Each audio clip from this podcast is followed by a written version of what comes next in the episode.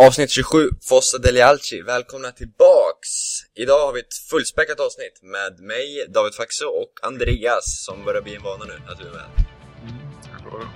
26 av 27 avsnitt om jag inte är fel ut. Så är det. Nästan eh, 100%. Lite som Zanetti. Idag har vi med oss Joel Olsson, calcio, solo calcio-skribent är du. Jajamän. Torino-expert får vi också kalla dig. Ja, Idag tänkte vi såklart prata om Torino. Det är årsdagen på kraschen för Il Grande Torino, så eh, vi tänkte gå igenom det. Sen snackar vi såklart upp matchen, kommande matchen, söndagens match. Eh, och Andreas har även utlovat en liten utläggning om Flamini faktiskt. Det är intressant. Sen har vi ett antal läsarfrågor också som vi tänkte få svar på innan vi är klara för dagen. Forza Milan, sei forte, lotta campione. Milan, sei grande, gioca ogni pallone. E la domenica puoi fatti rispettare. Ci siamo noi allo stadio per gridare. Milan, sei forte, lotta da campione. Milan, sei grande, gioca ogni pallone. E la domenica puoi fatti rispettare. Ci siamo noi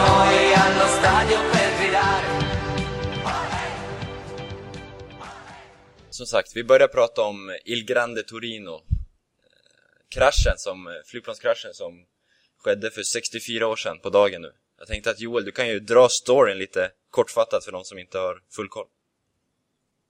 ja precis. Eh, Il Grande Torino, eh, de stora, stora fotbollslaget på 40-talet i Italien. Då. Eh, vann flera scudettos i rad och ja, var ju hela fotbollsitalien skulle man säga. 10 av 11 landslagsmän.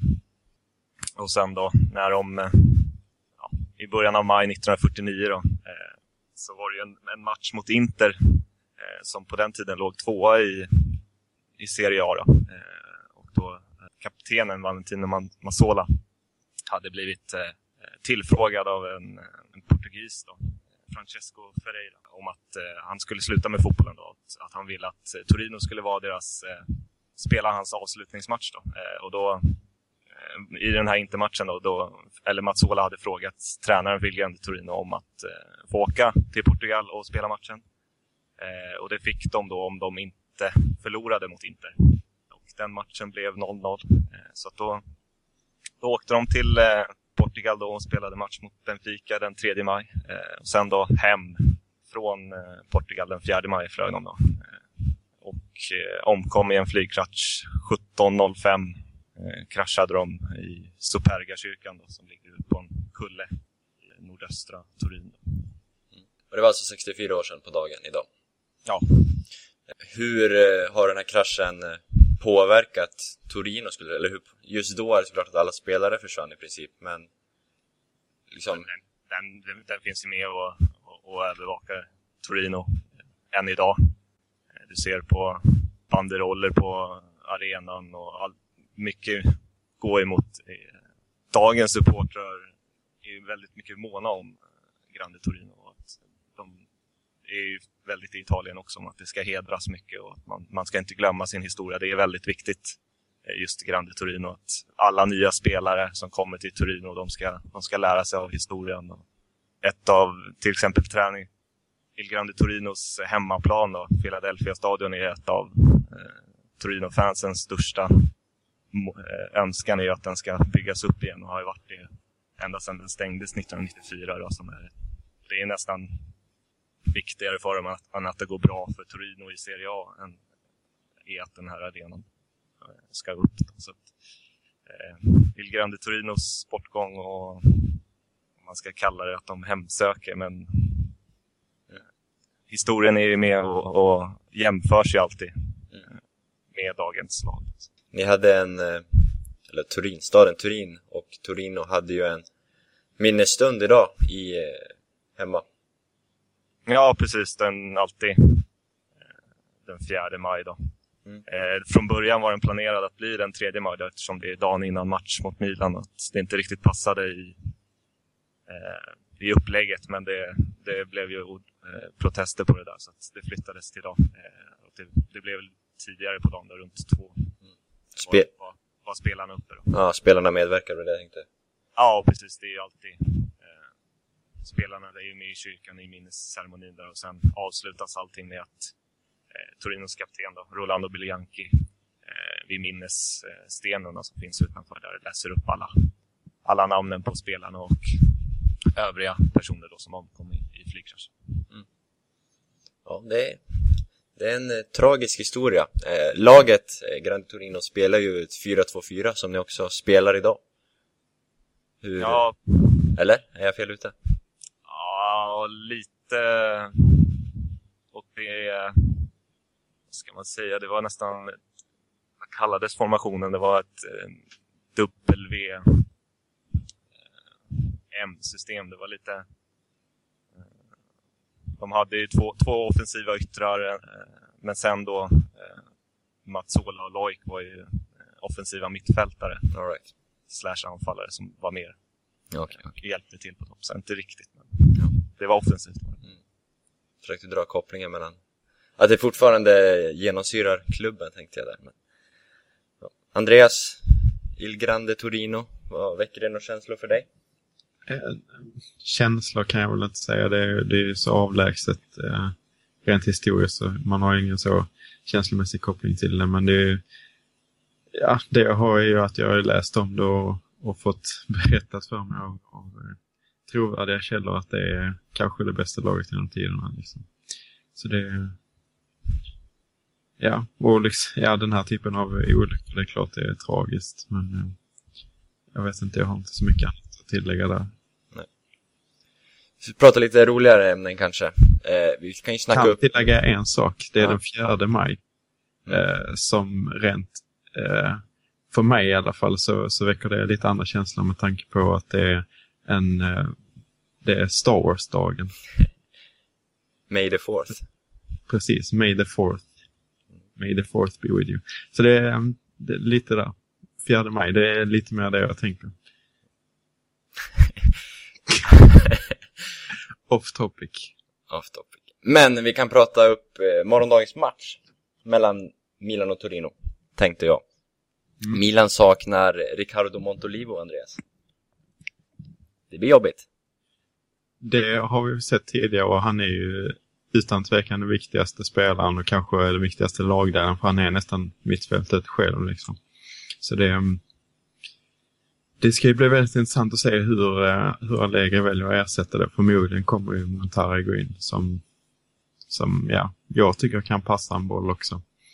Så mm, det är väl kanske den troligaste lösningen att han väljer att spela med, med samma med tremanna mittfältet och gå in med Montari. Men ehm, ja, vet inte om man kan hoppa på, eller om det kan bli aktuellt med Cristante. Han nämnde ju på presskonferensen idag att Cristante kommer spela om han behövs. Det tolkar jag som att, att han inte kommer starta i alla fall. För Montari sa han väl skulle starta om jag inte är fel ute. Vilket förmodligen betyder att Flamini Nocerino flankerar honom eftersom Prince Boateng startar i anfallet.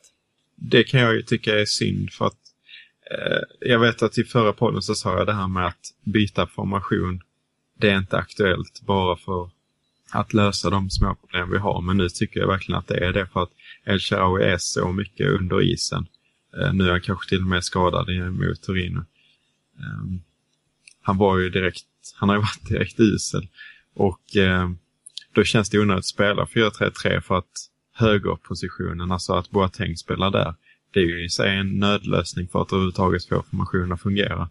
Så att spela en, eh, en El som är i dålig form och en nödlösning, det känns så onödigt, speciellt när vi har två centrala anfallare i Balotelli och Pazzini som är i fruktansvärt bra form. Eh, det känns konstigt att man inte vill utnyttja det på ett annat sätt. Och eh, ja, jag är lite så. Samtidigt som man saknar Montolivo så saknar man kreativitet. Vill man då få in Bojan till exempel eller någonting som, har, eh, som tar lite eh, kreativt ansvar liksom. Det ska bli intressant att se och om nu Montolivo blir borta, det har ju varit lite olika rapporter. Första sa två matcher, eh, andra sa resten av säsongen blir det resten av säsongen så blir det verkligen en utmaning för Allegri och kanske det, det provet eh, som kommer ställas på honom om man ska fortsätta i klubben även nästa säsong. Att klara en tredjeplatsen utan Montolivo den här, de här sista matcherna så kanske han ska stanna annars så kanske han får lämna. Bara en snabb inflikning, en liten rättelse. Fick upp truppen nu och Bojan är dessvärre inte med i truppen. Mm. Vilket utesluter det alternativet. Ja, det är tråkigt. Ännu mindre offens eller liksom kreativa alternativ. Jo, En, en, en liten eh, rolig grej med det där var ju att eh, jag bara helt, eh, eh, ja, mer på skämt liksom föreslog Mexes som, eh, som register liksom till, eh, till en, ja, en annan Milan-supporter liksom. Och det fick han ju faktiskt frågan på, på presskonferensen, Allegri. Han har ju lite av de egenskaperna. Men jag har svårt att säga att han skulle gå in i den rollen. Joel, hur eh, viktigt tycker du det är för ditt Torino att Montolivo saknas? Ja, det är alltid bra när motståndarnas eh, bättre spelare saknas. Eh, så att just i det prekära läget som vi mer och mer börjar hamna i så, så tackar man inte nej till att han, han, missar den här matchen. Så att, säga. Hur ser det ut i Torino-läget? Eh, ni har väl Glik avstängd igen om jag inte... ja, han, Precis som sist så tog han väl ett rött i derbyt? jajamän, nu blev det två gula istället för Mm. ett direkt rött. då, Så att, eh, eh, annars är, är det, ser det bra ut. Det är inga, inga eh, större ska, någon skada sådär. Utan det, det är ju formen i laget i sig som har varit väldigt dålig på sistone. Mm. Eh, en poäng. Eh, men då ska man också tänka på vilket, vilka motståndare vi har mött. Det är ju eh, topp ja, tre av fyra. Nu blir det fyra av fyra med Milan imorgon. Då. Mm. Eh, Och mot alla de lagen så har vi också förlorat. Mm. Tappat ledningen då på sista kvarten som har blivit Torinos svaghet. Det är någonting som var eh, Il Grande Torinos styrka oftast sista kvarten. Eh, men tyvärr, det här, årets upplaga av Torino har tappat väldigt mycket nu under våren, sista kvarten. Så att, det har gjort att vi nu börjar så smått hamna nära bottenstriden. Kan du inte dra den lite kort i historien om eh, sista kvarten? Trumpet Ja, och det där. Ja, ja, precis. Det var ju en, en, supporter till eh, Grande Torino eh, och Rester Kolnida som eh, jobbade som stins. Eh, för de som inte vet, eh, på stationen i Turin då. Eh, och eh, blö, blåste i en trumpet då, eh, varje gång ett tåg skulle lämna stationen. Och, en dag så tog han med sig den här trumpeten till till Philadelphia stadion. Då. Och på kul då när spelet inte såg så bra ut så började han blåsa i det där instrumentet. Och den matchen vände till Grande Torino då, så att då blev det till en ritual att han eh, varje gång spelet såg dåligt ut eh, sprang längs ena kortsidan då och blåste den här trumpeten. Eh, Och då Valentino Mazzola, kaptenen, eh, tog eh, den här ritualen och eh, sägs då ha eh, kavlat upp sina armar och eh, sagt, eh, ja, sagt till sina lagkamrater att nu, nu, nu kör vi framåt. Och eh, hela, eh, oftast var det då sista kvarten som det här an, användes och eh, hela, hela händelseförloppet har blivit, eller blev kallat Trombo del Quarto de Ora Granata. En härlig liten sidohistoria. Ja, absolut. Eh, vi har fått en läsarfråga från Oskar Fredrik, eller lyssnarfråga kanske man ska säga, från Oskar Fredriksson. Han eh, frågar om Bianchi, varför han har spelat så, varför spelar han inte frågan, men han har ju spelat lite den senaste tiden, men han har väl haft en del petningar eller vad man ska kalla det. Ja, precis. Det har ju mycket med att eh, eh Ventura vill ha bollen längs marken och eh, Bianchi är väldigt... Eh, han är inte superdålig med fötterna, men han, det, är, eh, det glänser inte om hans fötter så att säga. Det är mycket... Eh, han vill att det ska gå fort, Ventura. Även om motståndet heter Juventus eller Pescara så, så ska bollen spelas längs marken upp från backlinjen upp till topp. Då. Och Bianchis styrka sitter inte i fötterna, det sitter i huvudet. Eh, I hans huvudspel är han ju strålande. Eh, Så att det, det har mycket med att han inte riktigt... Han är inte en, en anfallare som passar i Venturas eh, 4-2-4. då. Eh, Så att det, det är oftast därför han får starta på bänken. Så det är en helt teknisk betning helt enkelt, inget personligt. Ja, inte vad man vet. Det är ju inte helt omöjligt att det kan vara någonting också. Eh, Man vet inte vad som finns bakom de stängda dörrarna men det... eh, Så som jag ser det så är det mycket det taktiska. Ja, vi, senast du var med inför förra mötet så pratade vi en del om Gillet. Vi, Mm. eller du hyllade honom Mm. som att han, eftersom han hade varit väldigt bra på säsongsinledningen, eller första halvan av säsongen. Hur eh, ser det ut nu? Fortsätter han leverera? Till och från har han varit, tycker jag nu. Eh, Han har inte fått så väldans mycket hjälp från försvaret. Eh, Vi var ju, eh, ja, sen några månader tillbaka så hade vi ett av seriens eh, bästa försvar sett till eh, hur, hur få mål vi hade släppt in. Då. Men sen från och med Cagliari borta eh, så har det ju bara eskalerat och det har ju varit öppen gata bakåt. Han har inte fått så mycket hjälp, men han har inte heller varit en formtopp. Nej. Men han, sett över hela säsongen så är han ju definitivt en av lagets bästa spelare.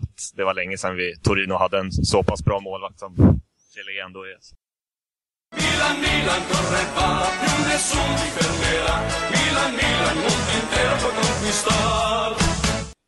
Angelo Ogbona är ett hett ämne. Vi har fått flera frågor från eh, Patrik Salin bland annat, även inne på Milan-forumet på Svenska fans.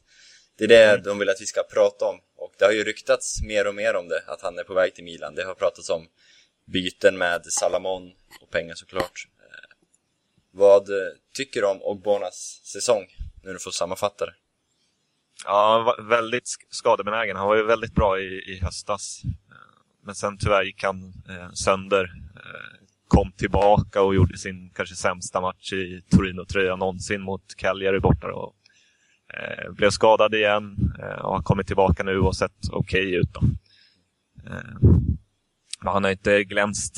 Men det, är- det är ju som sagt med hela vårt försvarsspel som har totalt havererat här på slutet. Alltså. Andreas, har du några tankar om Ogbana? Är han en man för Milan? Ja, men det tycker jag. Jag tycker ändå det finns, eh, alltså ryktena har ju liksom tagit fart eh, på senare tid och det är ju gott för oss för vi har ju liksom gått och törstat efter en, eh, en försvarare av, eh, av klass liksom. Och det tycker jag ändå att eh, Ogbonna är och har absolut har potential till att, till att bli. Och ja, det är mycket som, som tyder på det tycker jag med, med eh, du sa det här bytet med Salamon plus pengar. Det har även kommit liksom andra eh, rykten med liksom flera delägda spelare skulle, skulle ja, eller flera spelare skulle bli delägda junior då med, med eh, Torino. Och så har vi det faktum att Torino har ersatt eller spelat väldigt bra utan Ogbonna. Eh, tycker jag i alla fall. Det, det har ju Joel bättre koll på såklart. Men det känns ändå som att de ersätter honom på, har ersatt honom på ett bra sätt och eh, att eh, ja, liksom Rodriguez har kommit in där och, och, och eh, sp spelat fruktansvärt bra. Och, och det känns inte som att Torino är en klubb som ska ha en liksom stjärna på, på, i backlinjen utan att det är kanske en, en spelare som är hemma mer i storklubben. Det känns som de kan släppa honom till sommaren. är mitt Ja, det- intryck. Det känns, eh, är, är det någon klubb han ska gå i Italien så är det till Milan. Eh, Det är ju också beroende på då hur, hur intresset, om det har svalnat från England eller inte. Då. Det, Manchester United var ju på plats och, eh, under många matcher under hösten och fanns på plats när han återkom från skada här under våren. Men om de har skrämts av hans prestationer under våren eller inte, det får man ju se. Men det kommer ju garanterat komma bud på honom i, i sommar. Eh, får vi se hur, hur hårt Kairo håller i sina... Eh, han säger att fortfarande gäller de här 20 miljoner euro. Eh, men jag kan ju tänka mig om det likt Italien att det kan bli någon bytesaffär och kanske delägarskap eller något sånt där. Det, Cairo och Berlusconi har väl framförallt en rätt bra relation, även Galliani. Ja, men precis. De är ju gamla arbetskamrater, Kairo. Precis, precis. Och eh, Cairo har sagt tidigare att han är 50% milanista. Nu är han 100% Torino-supporter, men innan han var det så har han sagt att han var 50% milanista, eller något i den stilen. Ja, precis. När han kom 2006 så sa han det i en artikel. Mm. Ett av alla korkade uttalanden som kommer från hans mun. Så det finns ju mycket som pekar på en affär i sommar med Milan, tycker jag. Men hur, hur ser du på en affär då med Milan till exempel om den skulle eh, involvera delägda spelare? Vi har eh, Fossati som, eh, som spelar i, i Serie B då och jag vet inte om det var så att han vann eh, det här priset då för Serie Bs bästa unga spelare, men det var i alla fall snack om att han skulle göra det. Um, en regista liksom. Uh, honom var det snack också om skulle ingå i en sån här affär, eh, till exempel. Tror du på den typen av delägarskap eller vill du ha liksom mycket, eh, många pund från England? Alltså, både och i sådana fall. Det är, vi behöver ju värva en hel del och just på centrala mittfältet så tackar jag inte nej till, till en sån eh, värvning. Men alltså, ja, helst av allt skulle jag nog ta väldigt mycket pengar så att vi kan in, återinvestera dem i, i, på övriga positioner i klubben. Då. Mm. Eh, Det skulle jag faktiskt ta. Så. Yes.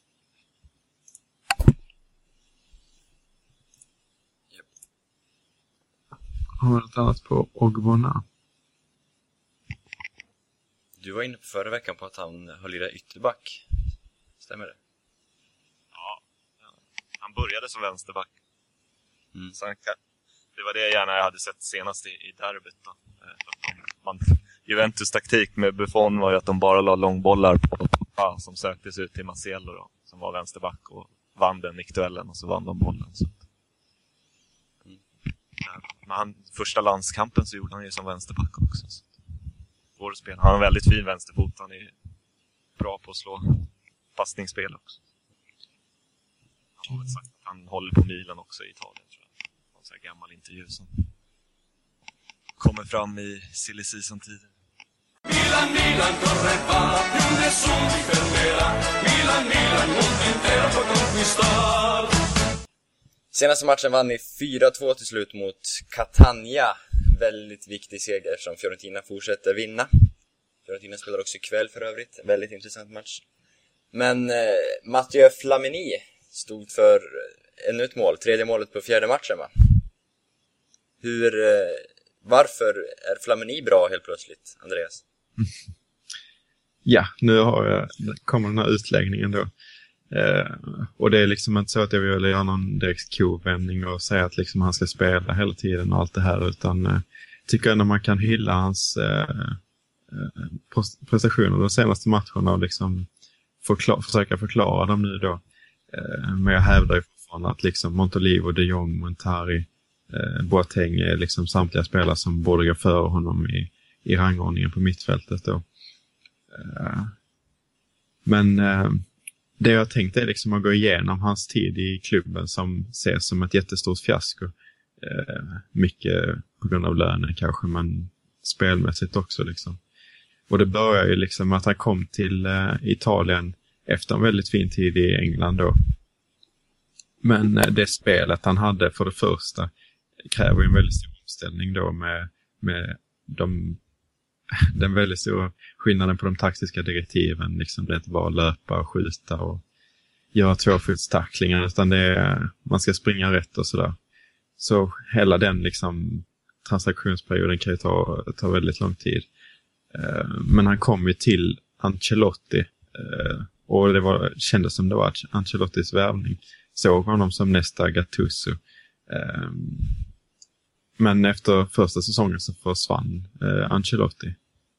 Eh, Och det, förstår, det blir ju ofta så att spelare som kommer är liksom en tränares värvning och sen så försvinner tränaren direkt. Det blir ju svårare. In kommer Leonardo som, eh, som spelar eh, Quattro Due Fantasia liksom. Eh, galen anfallsformation och han hade ingen plats på till defensiva mittfältare. Vi har ju inte bara Flamini utan Gattuso hamnar utanför laget och sådär. Leonardo verkar ju verkligen, och verkar inte vara heller den typen av Ancelotti hade som liksom var som en fadersfigur för spelarna och allt sånt där. Utan det var, det var ju tufft för Flamini då som, som gjorde sin andra säsong och spelade under en tränare som han inte trodde på honom. Eh, men så kom då Allegri. Eh, han, eh, efter en höst så liksom försvann alla de här. Ronaldinho, Pirlus försvann från registerpositionen. Ersattes av Van Bommel liksom och mittfältet blev liksom mycket mer arbetskapacitet och fysisk råstyrka liksom istället för kreativitet. Och det passar ju Flamini perfekt. Eh, och det tycker jag ändå att man såg uh, Scudetto-säsongen, alltså Allegris första säsong. Eh, när vi där i, under januari, Eh, februari, mars kanske det var liksom de matcherna med köttarmittfältet som det kallades liksom när vi, när vi bara hade defensiva liksom fysiska mittfältare på det här tremannamittfältet och, och Boateng där framför liksom det var inte mycket kreativitet, men vi liksom plockade de där poängen på bortaplan och sådär. Och eh, ja, det var ju mycket av det som gjorde att vi vann eh, skudetten sen. Och så gjorde han ju faktiskt det målet mot Bologna som, som man inte borde ha glömma, glömma bort eh, i, i titeljakten där. Så den eh, säsongsavslutningen tyckte jag han var, jo, presterade väldigt bra. Eh, och då liksom kändes allting bra. Men sen när nästa säsong skulle börja så drar han ju på sig den här ligamentskadan och är borta i ett halvår. Eh, då kommer Nocerino in och, och som liksom ses som samma spelare, gör mål på mål liksom och då är det ganska svårt att, att peta honom. Samtidigt så satt i Flamini på en lön på 4,5 miljoner euro på, om året och Nocerino kom till liksom ett galet reapris. Eh. Så det kanske fanns andra syften till att inte ge Flamini den chansen där när, när Nocerino spelade så himla bra. Eh, när Flamini sen kom tillbaks. Ehm, men sen till den här säsongen så förlängde han med, med kraftigt sänkt eh, lön. Får inte spela så mycket och laget går liksom dåligt men eh, nu spelar laget bra, nu spelar Flamini och det är liksom kanske att det är, han ska hyllas och eh, liksom ge all eh, cred till honom för det. Men, men jag tycker ändå det är en del förklaring till att vi gick obesegrade ända fram till Juventus-matchen det här året. Ehm, för jag tycker att han har spelat bra nu, kommit in i det igen, precis som han gjorde eh, under Skellefteå-säsongen. Eh, ja, så nu har han börjat göra några baljor liksom och med undantag av den där tvåfotaren mot Napoli som liksom vill förstöra lite bilden av det. Men eh, han passar extremt bra in i, i Allegris system. Och ja, nu ser jag ingen anledning till att inte förnya kontraktet på honom. Liksom. Så det var de tankarna jag hade ungefär. Kan vi lägga av? Ja. Inget mer att säga om det. Eller har vi det? Nej, men det, jag tycker att eh, han har verkligen växt nu. Sen så är det klart att Boateng, har Boateng i den rollen så får man en ytterligare offensiv spets liksom. Men, eh, men han har ju verkligen inte gjort bort sig nu när han har kommit in i spelet återigen. Eh, så varför inte förnya? Har du några tankar om Flamini, Joel? Ja, han känns ju som en, en av de här klassiska spelarna som är eh, lyfter sig när kontraktet gått ut. Eh, han var väl väldigt bra sista året i, eh, i Arsenal och sen nu eh, här i, i Milan. Då. Så att, eh, det finns ju en hel del spelare som just eh, när det vankas en sommar där det ska skrivas något, något nytt kontrakt där. Så att ge, ge en ettårskontrakt i fortsättningen så kan han eh, fortsätta leverera. Ja, det är en intressant teori. Ja, den, eh, vi kan ju helt klippa bort det och så bara köra på eh, ettårsteorin egentligen. Men eh, det kändes ju faktiskt, jag har i alla fall intrycket av att han trivs väldigt bra i Milan och han, han vill stanna. Inte är den spelaren som är ute efter pengarna, även om han gick för pengar från början kanske. Men ja, jag, jag tror ändå på fransmannen nu. Verkar ju vara rätt nyttig att ha i truppen också. Sånt ska ju inte underskattas. Han verkar kunna blend in, jag vet inte, anpassa sig till de flesta grupperna som ändå blir. Eh, det finns ju kända videos där brassarna, när vi hade dem, Pato, Ronaldinho, Robinho, Thiago Silva står och bollar med varandra. Gör tricks på tricks. Och sen står, kommer Flamini in i bilden och ska försöka vara med. Det blir inte allt för graciöst, men eh, han ser ändå ut att trivas och brassarna ser ut att gilla honom liksom. Så han ser ut att vara en kameleont rent socialt. Men utanför planen så verkar han ju vara, utifrån det jag har läst, väldigt eh, beläst. Liksom går ofta på, gärna på konstutställningar och den typen av evenemang. Och verkar läsa mycket böcker och syssla med sådana grejer. Fransk poesi är bland de största intressena. Inte det man tänker kanske när man ser honom hoppa in eh, med två fötter mot Napoli, men så är det. Milan, Milan corre va, più nessuno ti fermerà. Milan, Milan, mondo intero può conquistar. Italiensk media och kanske framförallt Corriere dello Sport, Roma, eller Rombaserade tidningen, har skrivit om Allegris vara eller icke vara rätt mycket den senaste tiden. Det varit snack om Sedorf som skulle ta över för Allegri. Det varit snack om Van Bommel. Det är två spelare som fortfarande är aktiva alltså. Som ryktats ta över för Allegri. Som i sin tur ska till Roma. Hur, är det rent bullshit det här eller? det, alltså att, eh, att Allegri kan lämna känns inte alls som bullshit tyvärr. För att Berlusconi verkar inte alls vara nöjd med honom och hur han kanske framförallt har behandlat eh, behandlat senatorerna och gjort att alla de här Cedorf Nesta och Gattuso eh, med flera lämnar Pirlo. Eh, så Ronaldinho också som Berlusconi var ganska förtjust i det, det verkar ju vara väldigt tydligt och jag tyckte att på uttalanden inför Catania-matchen så var det, ja, ska jag säga? Galliani liksom dementerar inte det precis utan det var, där fick jag verkligen intrycket av att Allegri är nästan klar för att eh, lämna. Sen så fick vi ju den här motreaktionen som kanske har fått folket att, att vända lite för att eh, Kovasud hade liksom eh, en banderoll där de sa att, eh, att Allegri förtjänade mer respekt. Eh, och vi hade, ja de sjöng mycket ramsor för honom och alla spelare, Balotelli, eh, gick ut direkt efter matchen och sa att han hoppas att Allegri blir kvar i Milan under en längre tid. Och, och efter honom så har ju många andra spelare kommit in och eller kommenterat detta i media att de vill att Allegri ska stanna det känns ju som väldigt tydligt att det har länge varit Galliani som har skyddat Allegri och det är Berlusconi som inte är lika övertygad. Ehm, men det känns ju sjukt att eh, plocka in Cedorf eller Van Bommel som är kloka holländare på alla sätt och eh, spelare som jag gillar väldigt mycket framförallt Cedorf. Eh, som säkert har taktiska liksom eh, talanger och fallenheter liksom men de är ju inte färdiga eh, precis.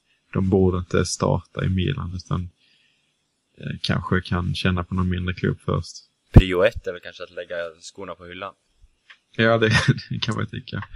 Eller plocka in spelare, spelande tränare i ett lag som... Känns lite division 1, västra. ja, ungefär.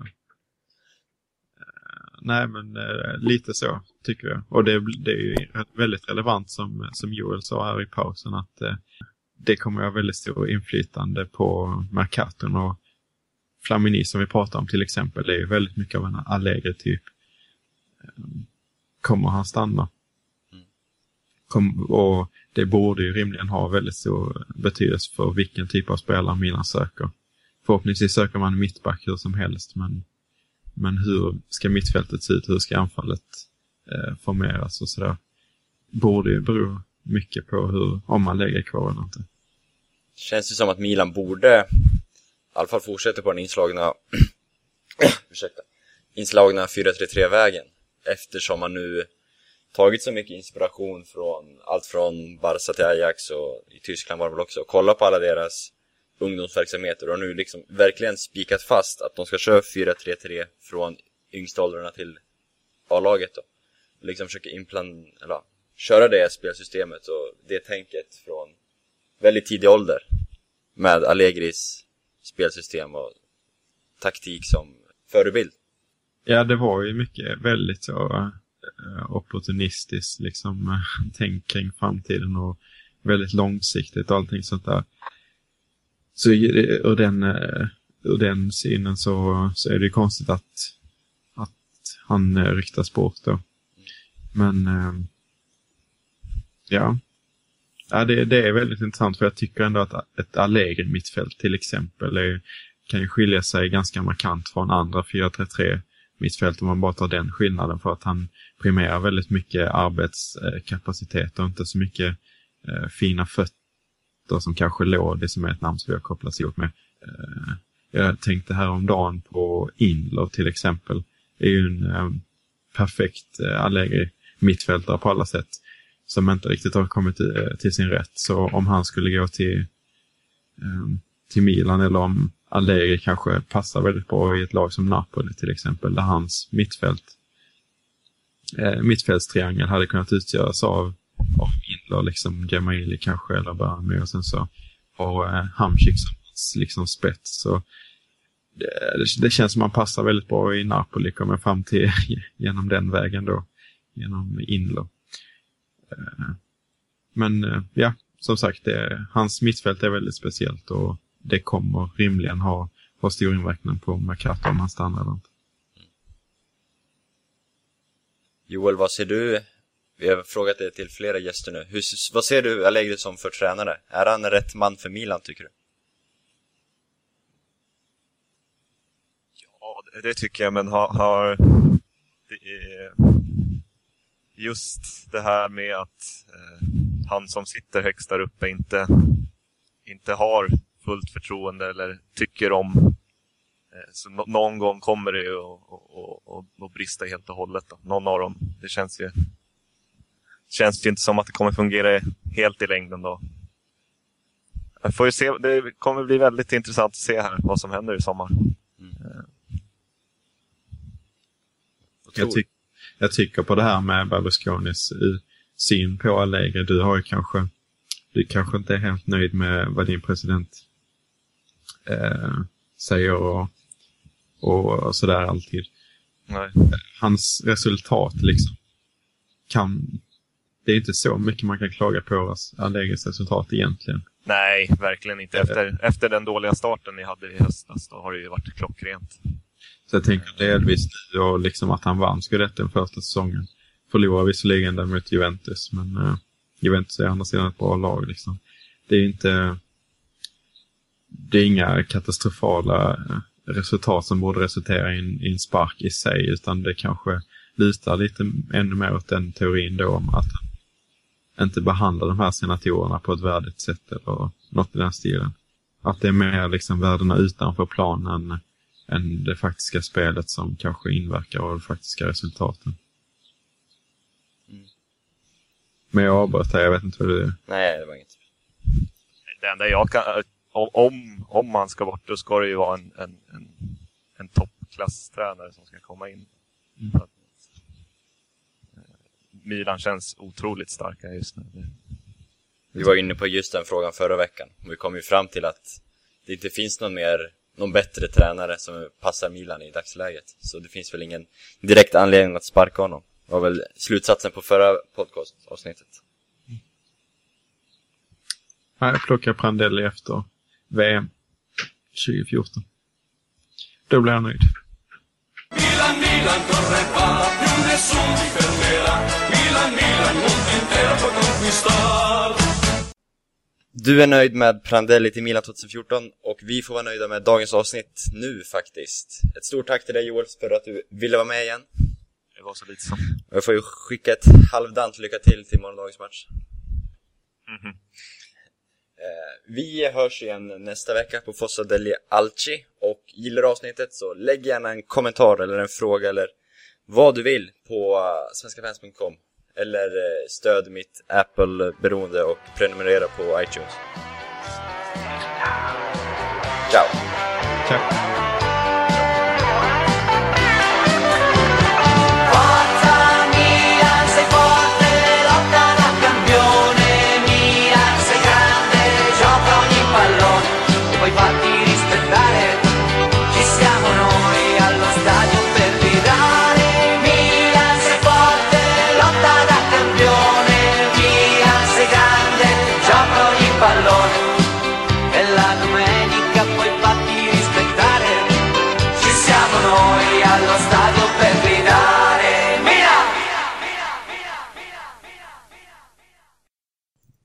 Åh, fan, nu vet vi vad vi glömde ta upp. Fiorentina.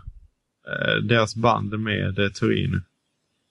Det är en massa Fiorentina som upp till... Eh, Mm, just det. Den är lite halvstökig. Alltså är ni så bra vänner som vissa vill hävda? Ja, det är, det är väldigt, väldigt bra.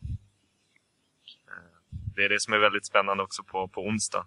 För att de, vi var i Gem- Gemalaggio med Genoa tills några tills vi åkte ut 09.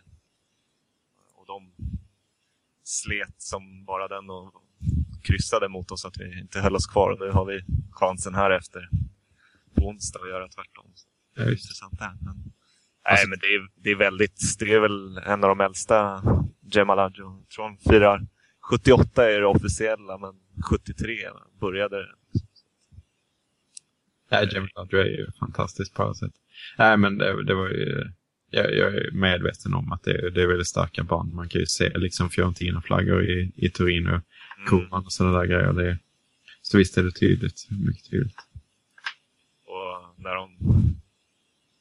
Det var väl mot er de kämpades där om CR-platsen när, när de hade sin sista hemmamatch mot oss. Så det var ju inte direkt att Torino-fansen blev ledsna när Osvaldo gjorde mål. Liksom.